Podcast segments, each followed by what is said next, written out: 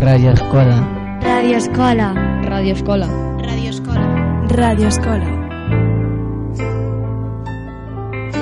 Així comença Radio Escola, un programa d'escola valenciana on els protagonistes són els més menets.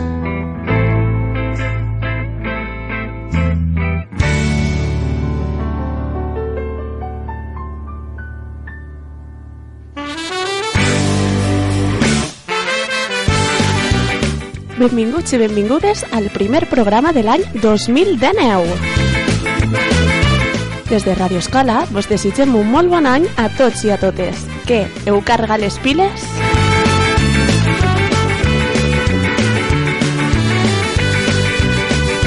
Recordeu que a Radio Escola aprenem tots, adults i xiquets, i descobrim la nostra cultura, la nostra música, les nostres tradicions i la nostra gent.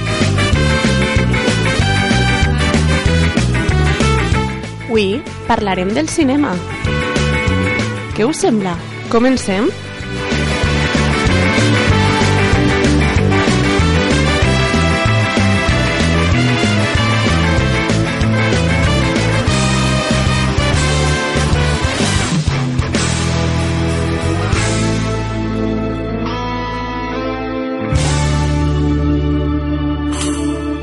Radio Escola, un programa on aprenem dels nostres xiquets i xiquetes.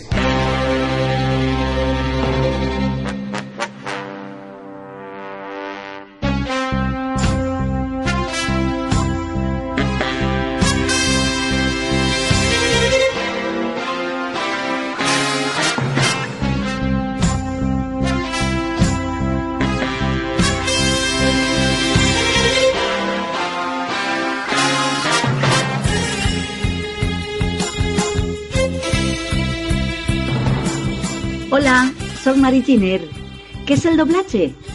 Pues el doblatge és un procés on substituïm el diàleg d'una pel·lícula, documental, reportatge, programa, per una nova gravació d'àudio on els actors i actrius posem la nostra veu.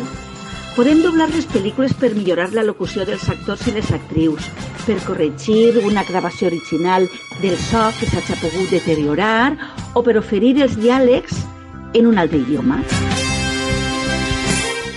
Si busquem doblar una pel·li estrangera al nostre idioma, el primer que haurem de fer és traduir, adaptar i ajustar el guió original. També posem la veu als dibuixos animats, i això és molt divertit, perquè pots doblar a tots els personatges que eixen, ja siga una floreta que parla, un ocell o una tortugueta, i més i més.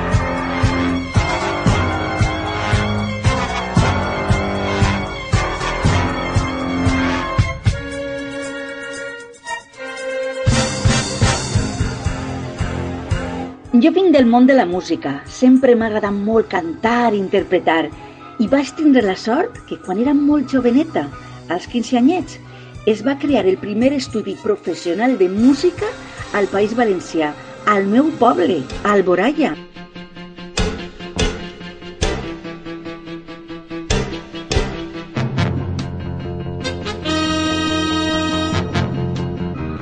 L'estudi es deia Tabalet i ahí és on va començar la meva carrera professional. Primer cantant espots publicitaris com Mercadona, Mercadona o Las muñecas de famosas se dirigen al portal. Nenuco, Nancy i moltes, moltes més per a la televisió espanyola. Fins que més tard l'estudi Tabalet començà també a fer doblatge. Primer per a Itana i després per a Canal 9. En l'actualitat hi ha uns 14 estudis més o menys fent doblatge, generalment per a la televisió valenciana a punt.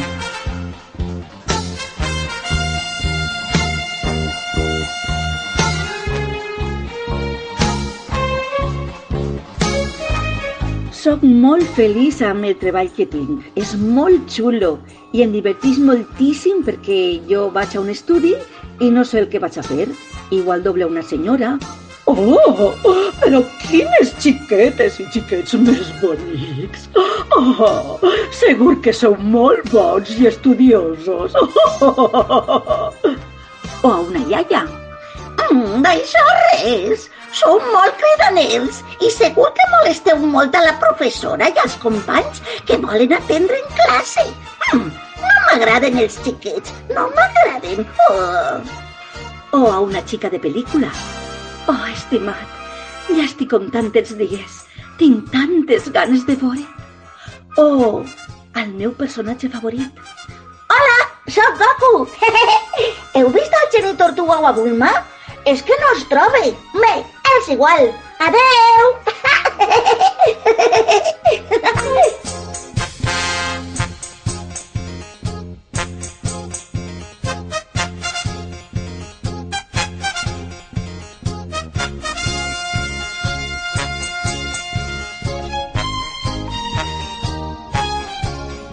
ja per acabar, si vos agrada el món de la interpretació i teniu la il·lusió d'arribar a ser professionals del doblatge, actrius, actors o a ser directores de cinema, vos anime a no defallir, a preparar-vos de valent i així segur que fareu realitat el vostre desig. Vos assegure que és un món molt creatiu i bonic. Adeu!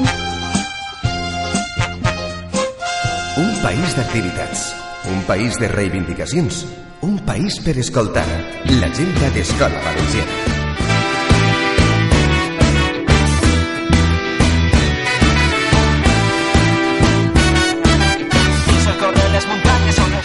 Obrim l'any amb una notícia solidària i és que, des d'Escola Valenciana, animem a tots els col·legis i instituts a participar en la recollida de l'euro solidari.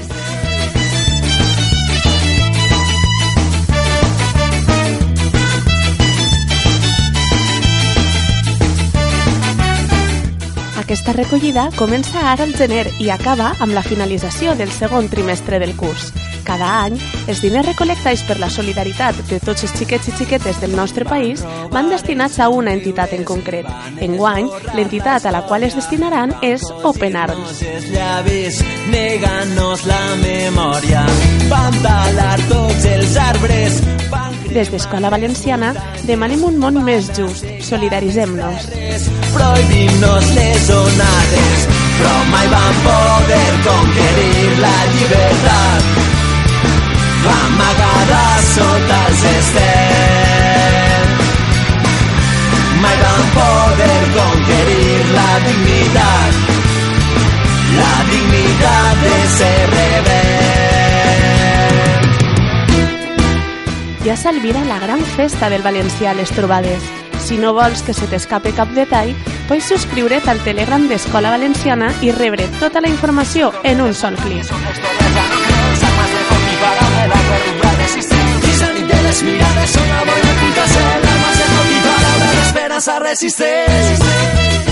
Recordeu que les trobades del 2019 començaran a l'abril, país el lema Som i serem paraules.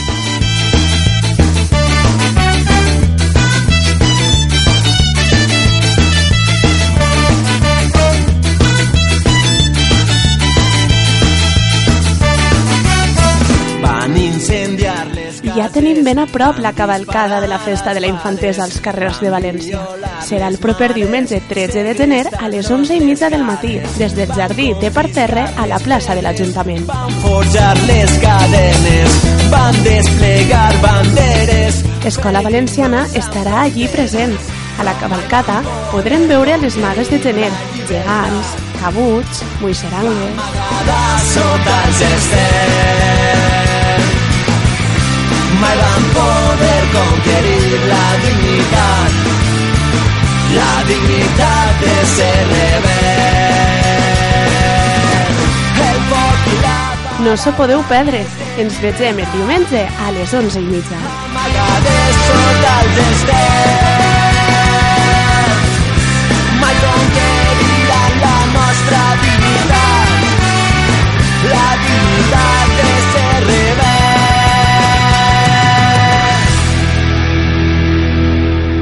Escoltes Radio Escola.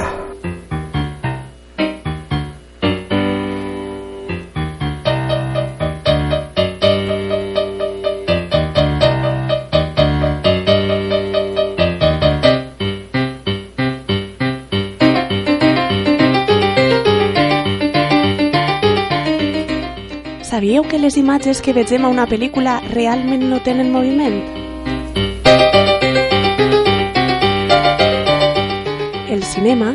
L'art que tracta d'aprofitar la il·lusió del moviment produïda pel visionari d'imatges fixes, però que canvien molt ràpidament.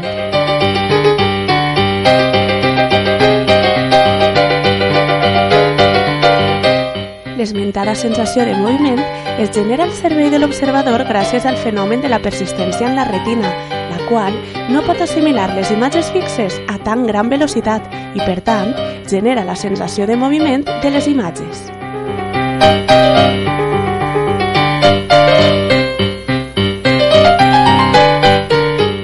Normalment, a un segon de pel·lícula hi ha 24 imatges fixes o fotografies.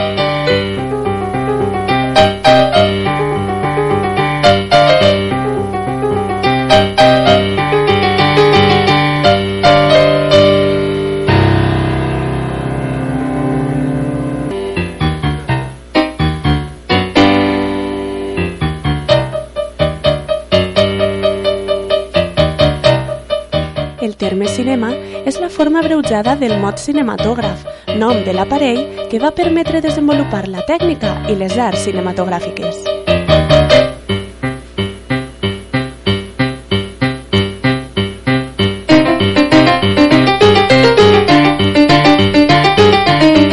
No obstant això, el cinema no és fruit d'un invent, sinó d'una evolució constant en la història i de la convergència de molts experiments pertanyents a segles passats.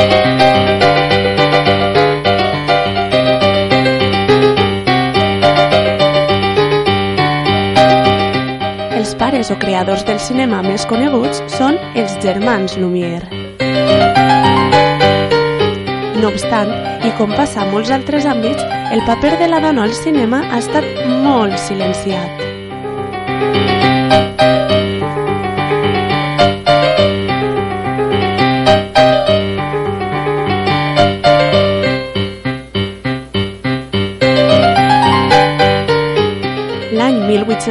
1895 van ser els germans Lumière els que van inventar el cinematògraf, un aparell que tenia la funció de càmera, copiador i projector a la vegada.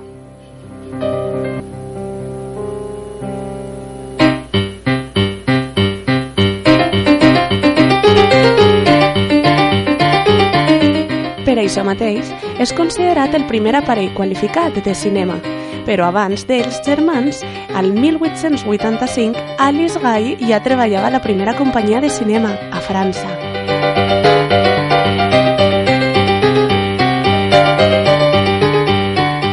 Ella va estar present a la primera projecció dels germans Lumière i va descobrir l'important potencial artístic de l'invent.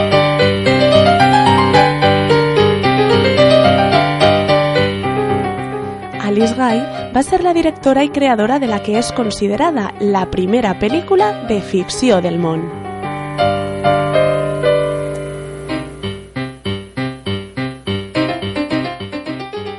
Cada un mes, mes i mig o dos. Cada un mes o una setmana. Cada molt de temps.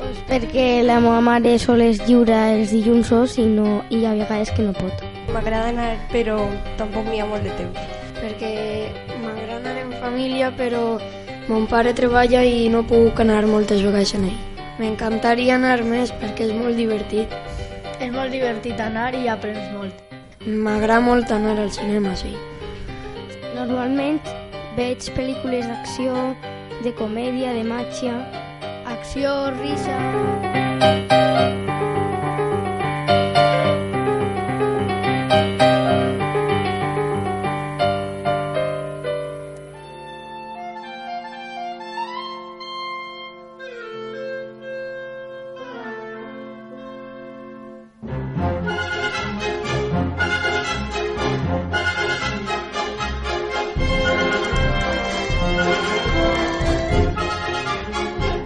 Als inicis del cinema, les pel·lícules no constaven de so i imatge com tenim avui en dia. Però això no vol dir que eren partidaris d'un silenci absolut.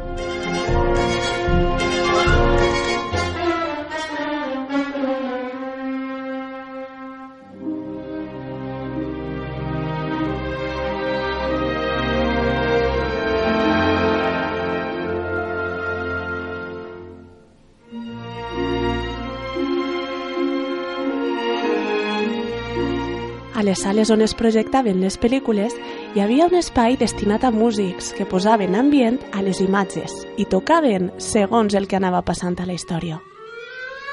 A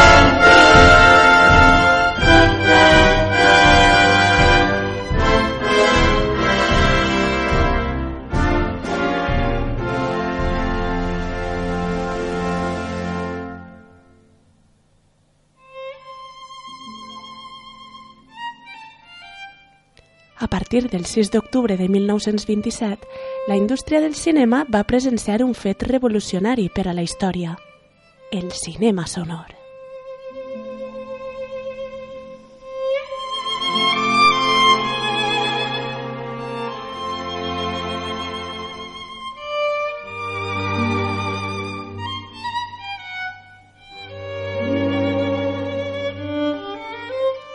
Aquest fet revolucionari ho va fer amb la productora Warner Bros.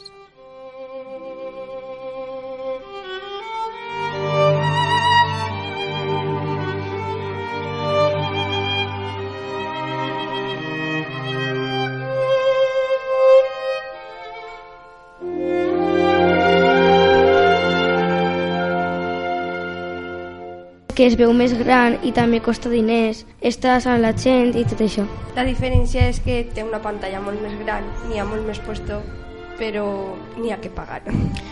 La diferència és que en ta casa eh, ho pots veure tranquil i en el cinema pues, pot ser que n'hi ha gent que no te deixa veure la pel·lícula. En el cinema et fiques eh, molt més eh, la, eh, et fiques molt més en la pel·lícula, però en casa tu estàs tranquil i no hi ha que pagar.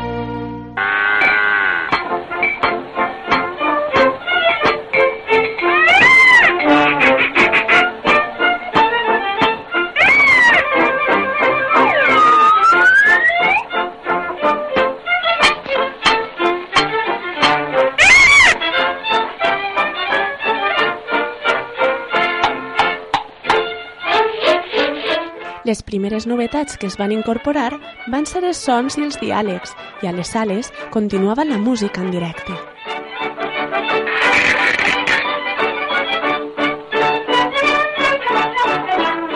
Aquesta innovació cinematogràfica va fer desaparèixer els subtítols, però també va significar un gran canvi pels actors.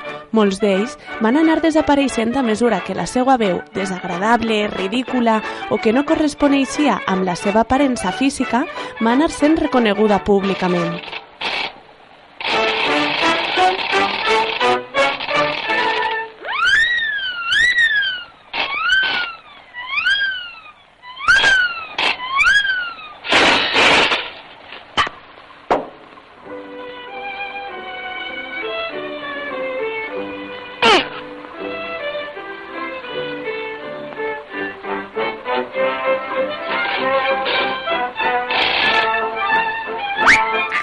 Així doncs, el cinema sonor no només va fer replantejar-se importants inversions, sinó que tècnics i cineastes van haver de canviar la forma de fer i pensar, alhora que actors i actrius van haver d'aprendre a vocalitzar correctament.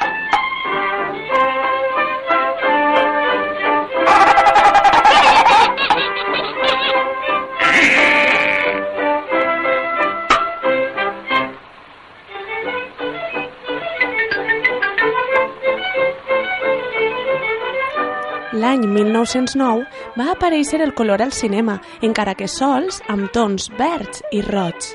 Més tard, al 1916, es van incorporar la resta de combinacions. Que diferent, veritat? I a que no sabeu qui va ser el primer que va incorporar els colors a les seues peces? Exacte, segur que vos sona Walt Disney. Ell és considerat el rei del cinema d'animació.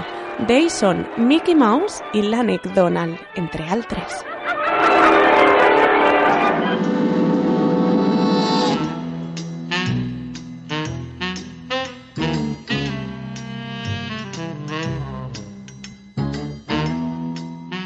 Perquè quan és un projector, pues, si estan, estan les llums encendides, pues es, se ve molt mal. Per a que es veja millor i també per a que la gent se calle perquè va començar la pel·lícula. Jo crec que per a que la gent se calli i comenci la pel·lícula. Jo crec que perquè la gent estigui en silenci i tinga més emoció. La, meu, la meua és el, la, el Grinch, la nova. La meua són totes de Star Wars.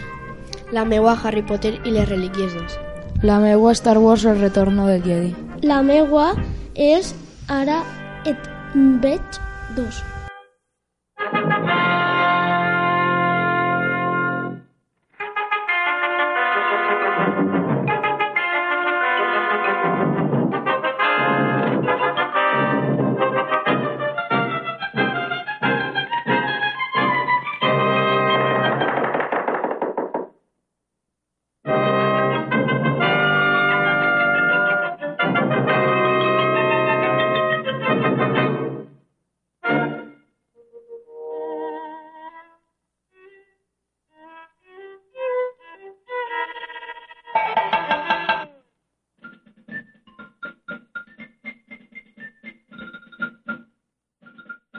Una pel·lícula està formada per moltíssima gent. Hi ha persones que s'encarreguen del guió, altres de la il·luminació i els colors de l'escena, altres de la gravació de les càmeres, d'aconseguir els permisos per gravar a les localitzacions que es desitgen, de gravar el so, de posar la música, de muntar el resultat final...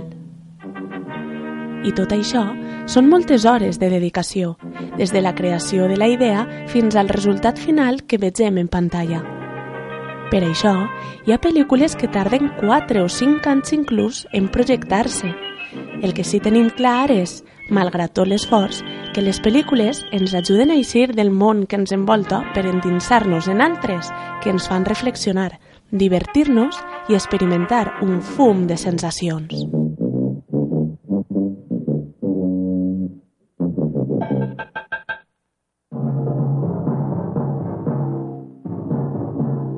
Els actors, el maquillatge, el, el editar i tot això pues, costa. Eh, jo també pense que molta gent se necessita perquè, clar, tu tens que tindre una pel·li amb actors, maquillatge, la càmera i tens que tenir molta gent. Jo crec que fa falta molta gent perquè, per exemple, tens, per exemple, tens els que van caminant per ahí com si estigueren el carrer, però els del maquillatge, els que s'han editat la càmera, jo crec que és molt important. Sí, fa falta molta gent.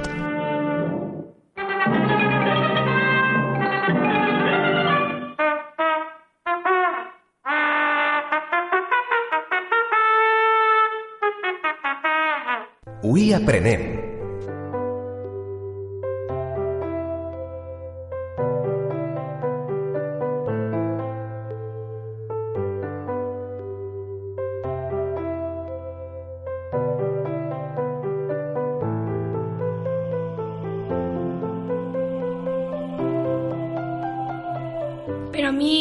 Rinoceront de Gionesc, una, un llibre del teatre absurd que em va agradar molt quan el vaig llegir.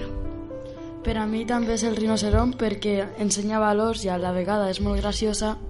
Per a mi és el, ru el quart rubí perquè és molt entretingut. Eh, per a mi també és el rinoceront. Sí, jo des de la pel·lícula dels Xocs de la Fama em vaig ensenyar que el govern, ho, el govern ho controla tot i només són marionetes. Sí, jo m'he ensenyat moltes coses. Quasi totes les pel·lícules que he vist m'han ensenyat alguna nou.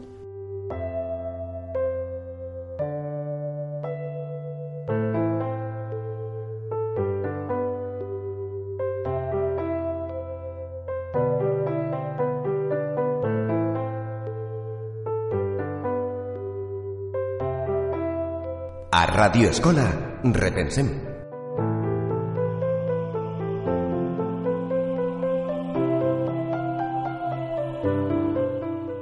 arribem ara a la secció més filosòfica de Radio Escola.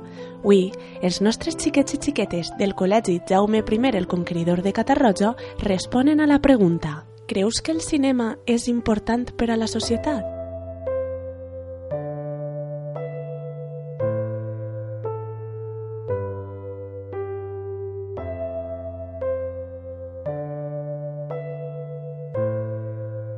Perquè pot conscienciar a la gent de, eh, lo que, eh, lo, de lo que és bo i lo que és roí. Per a que la gent se divertisca i veja altres històries. Per, per a que la gent eh, estiga al tant de les pel·lícules.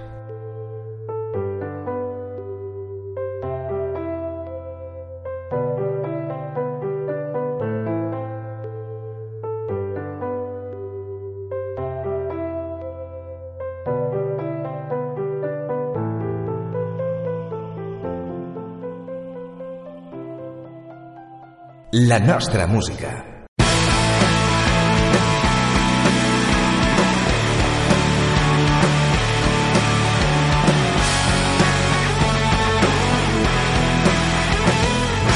Pares dins del meu cap, em costa concentrar-me. Mai, m'has deixat sol, m'aculls i em dones forces. I si demà te'n vas, ai, fes per avisar-me. T'aniré a acomiadar, et retres teu homenatge.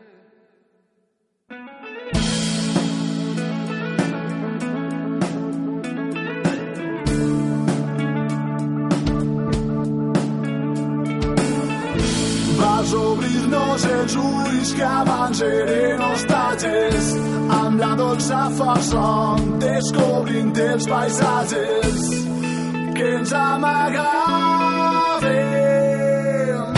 Tanques els ulls, notes com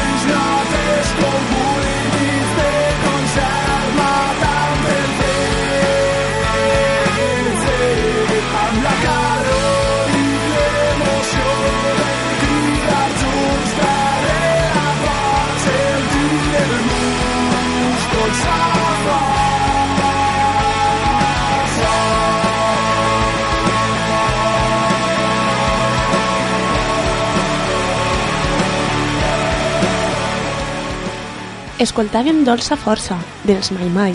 El seu cantant, Mario Sancho, és productor. Ell s'encarrega que tots els permisos per gravar estiguen preparats, que tot el material que es necessita estiga disponible i que totes les necessitats de la pel·lícula estiguen cobertes.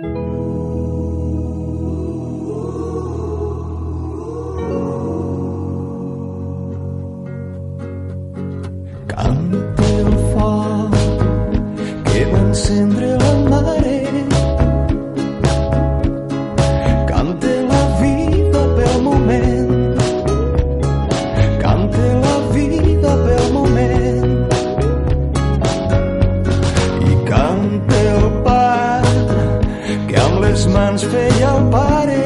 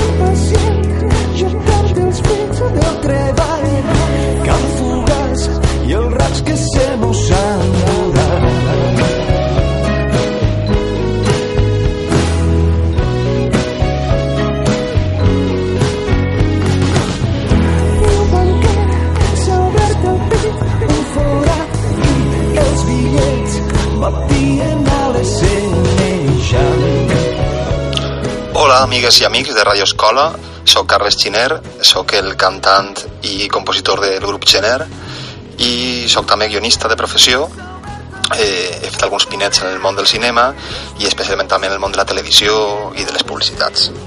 Normalment, quan, quan encetes la carrera de guionista, eh, les aspiracions són sempre escriure el teu propi material, o en el cas de que sigues un guionista de ficció, doncs aspirar a escriure i a produir les teves pròpies ficcions. Això és una cosa que és ben complicada eh, jo ho he aconseguit en algun moment no sense suar sang i llàgrimes com, com es diu i en fi s'ha d'estar molt, molt enamorat de la professió per a, com de qualsevol professió creativa per a perseverar i, i s'ha d'entendre que és una carrera de fons i també s'ha d'entendre que el fracàs eh, puntual no significa eh, un fracàs vital i que de fet el fracàs ens alimenta i moltes vegades ens ajuda a, a tirar endavant altres projectes. Jo, per exemple, amb el temps eh, he après o m'he donat compte de que s'ha per a mi compaginar els projectes personals, ja siga escriptura per a guions de curtmetratge col·laboracions amb amics que sé que tenen molt de talent, eh, amb projectes professionals on al remat el meu talent se posa al servei d'una idea que no ve de mi, però a la qual he de donar-li eh, la major energia i tractar-la com si fos meua. I això també és un, un procés bonic de descobrir, no? donar-te compte de que pots aportar a idees d'altres i que pots sumar-te a un equip eh, perquè el cinema i la televisió sempre són feines de molt d'equip, tot i que la figura del guionista pot ser la més solitària de tot aquest engranatge, eh, necessites estar en connexió amb molta informació que t'arriba d'altres departaments i, i moltes voltes la teva feina eh, té que veure amb escoltar, amb escoltar, eh, amb, amb guardar notes en fitxes i, i amb cribar tota aquesta informació en una, en una mica de criteri eh, una mica de criteri narratiu, de criteri estètic, de, de criteri de contar històries. Al remat, tots els productes visuals tenen a veure amb contar històries, ja siguin documentals, magazines, programes d'entreteniment. Eh, darrere d'això n'hi ha històries que contar i la tasca del guionista moltes voltes doncs, és vertebrar totes aquestes històries per a que, per a que tinguen un sentit quan, quan arribi a l'espectador. Jo penso que, que un dels millors consells que se li pot donar a un guionista o a, o a qualsevol que estigui interessat en el món del guió és que aprenga a escoltar, a parar l'orella allà per on camina, en el tren, en el metro, quan camina pel carrer, perquè les històries estan ahí i, i, i la gent parlant eh, té moltes històries dins que després eh, nosaltres podem fer nostres. I d'altra banda, que aprenga a alimentar-se de qualsevol cosa. En esta era de la hipercomunicació on ho consumim tot a través de pantalles, ens hem acostumat moltes voltes, eh, la gent del sector audiovisual, a pensar les nostres ficcions amb imatges ja preestablertes en el cap d'altres pel·lícules, altres referents, altres fotografies. I jo penso que és molt sa, en el cas del guionista, recurrir a lectures, recurrir a música, recurrir a experiències vitals, a viatges, perquè allà n'hi ha un material molt més valuós eh, quant a que s'és capaç de generar noves imatges. Eh, les pel·lícules que hem vist, les referents visuals que tenim, ens repiquen imatges que ja existeixen i que nosaltres modelem. Però les lectures, les vivències, la música ens generen imatges noves i això és una font mm, a la que qualsevol guionista eh, ha d'anar a veure. I per últim, respecte diguem, a la meva relació amb la meva llengua, perquè el remat jo tant em genera eh, en la meva tasca compositiva com amb la tasca de guionista treballe la major part de, de casos en, en valencià, en català eh, doncs és veritat que no podem obviar la disglòssia no podem obviar que hi ha eh, diguem una, unes condicions estranyes no? per a tractar de desenvolupar-se normalitat, però la meva filosofia ha sigut sempre, tant en música com en escriptura de guions i com a l'hora d'enfrontar-me a contar històries o a vertebrar coses com a guionista, ha sigut tractar de mirar les coses amb la major normalitat i tractar d'evitar eh, tractar d'evitar posar-me en la pell mm, d'aquells que volen enconcetar-me en que faig una cosa o altra perquè, perquè ho faig en valencià. I crec que això és important, perquè totes les cultures que generen cultura, que generen llibres importants, que generen pel·lícules importants, tenen coses a dir sobre tots els aspectes de la vida i no només usen la llengua per a parlar de la pròpia llengua no? I, de, de, i de les pròpies debilitats de l'idioma, etc. I a mi em sembla important eh, que els, els, els creadors hem de hem d'obrir portes i hem de crear, diguem, nous paradigmes per a normalitzar moltes coses, no? La nostra tasca a la música moltes voltes jo penso que ha tingut que veure en això, en, en tractar de portar a, la, a les nostres referències culturals i al nostre idioma coses que nosaltres veiem de la cultura americana, anglesa o d'altres llocs que ens, que ens agraden i que, i que pensem que són universals.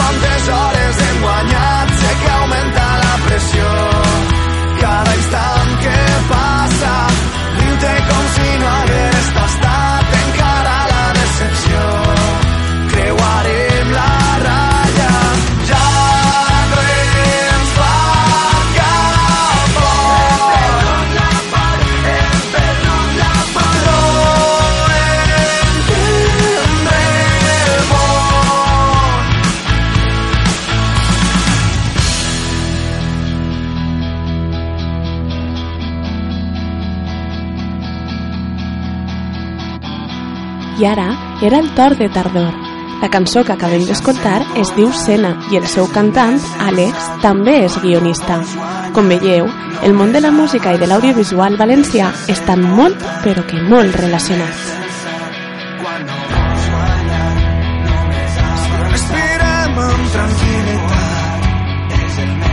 Arrenquem tot el que ens fa mal.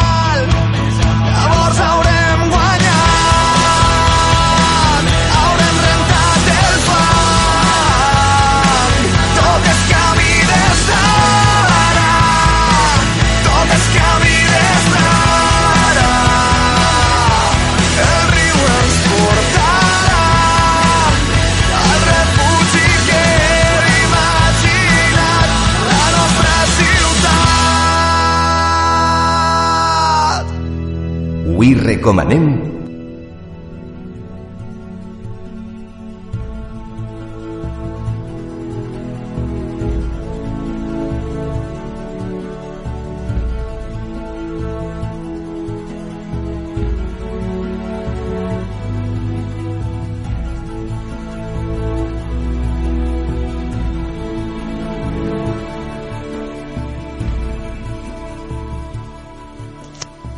Hola. Avui vos convide a fer un viatge al fons de la mar. Un viatge submarí. Mitjançant un llibre. Un llibre que es diu Els nostres veïns submarins. Bestiari contemporani de la Mediterrània. És un llibre que ha editat Edicions 96 i té diferents autors perquè realment és un llibre on es conjumina d'una manera magistral les fotografies, fotografies impressionants de tots els diferents éssers vius, és d'ahir ve el nom de bestiari, que hi viuen a, al fons del mar. I combina eh, la fotografia amb, amb la poesia i amb una breu informació de, de cada informació explicant-nos quin és l'animal o l'ésser viu i d'una manera molt breu, molt breu i molt concisa i molt clarita. En 8 o 9 línies únicament. I tenim també el nom científic de l'animal i, i el nom comú. Les fotografies són, són varios fotògrafos i són impressionants de veres. Eh, són de Javier Murcia, de Javier Gascón, de Joan Soto, de Vicente Renovell, Alfredo Bernabeu i Sergio Ramiro. Els versos són de Laia Fontanellería i els textos són d'Emilio de la Diez, Ana Escolano, David Martínez, Héctor Torrado i Alicia Burke. Eh, un llibre en, el que aneu a, a gaudir molt perquè no sols les fotos, sinó la combinació que fa en, en la poesia i la informació. I a més aneu a descobrir, jo a mi m'ha passat, descobrir éssers que no sabien ni que existien. I bueno, i a banda també podeu fer jocs a partir d'ell per les, les formes que tenen tan original alguns, per les semblances que tenen amb altres coses. Eh, és un llibre que, que a més com una part és un llibre d'informació però no sols informació perquè ja hem dit que també té, té poesia incorporada però evidentment com a bon llibre d'informació té darrere un glossari, un vocabulari per si hi ha alguna paraula que no enteneu té una bibliografia i a més inclou que ens sembla molt, molt interessant un recull de, de, de recursos web. És a dir, de pàgines, perquè, clar, a hores d'ara estem en un món on les tecnologies, les noves tecnologies eh, estan envoltant-nos, estem vivint amb elles, i com no podia faltar també unes recomanacions sobre, sobre aquestes, aquestes pàgines web molt interessants també per a poder complementar aquest llibre. I, i en definitiva us deixo en unes paraules de Miquel Martí i Pol, que són els que fan, acaben el llibre, la impressió del llibre, perquè a més és un llibre que està maquetat d'una manera molt, amb molta sensibilitat i, i amb molta qualitat també. Han fet una tasca molt bona des de l'editorial amb la maquetació. Eh, un pont de mar blava per sentir-nos frenc a frenc. Un pont que agermani peix i vides diferents. Diferents. De Miquel Martí Pol. Adeu, fins a la propera.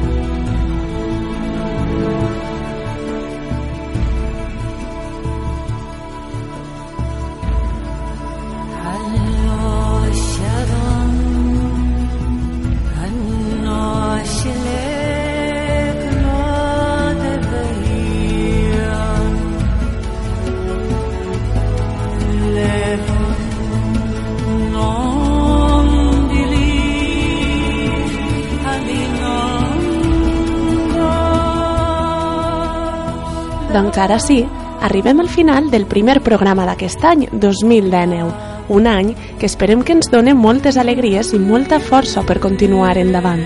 Recordeu que nosaltres seguim fent ràdio, amb i per a tots vosaltres. Ens escoltem la pròxima setmana, sí, a Ràdio Escola.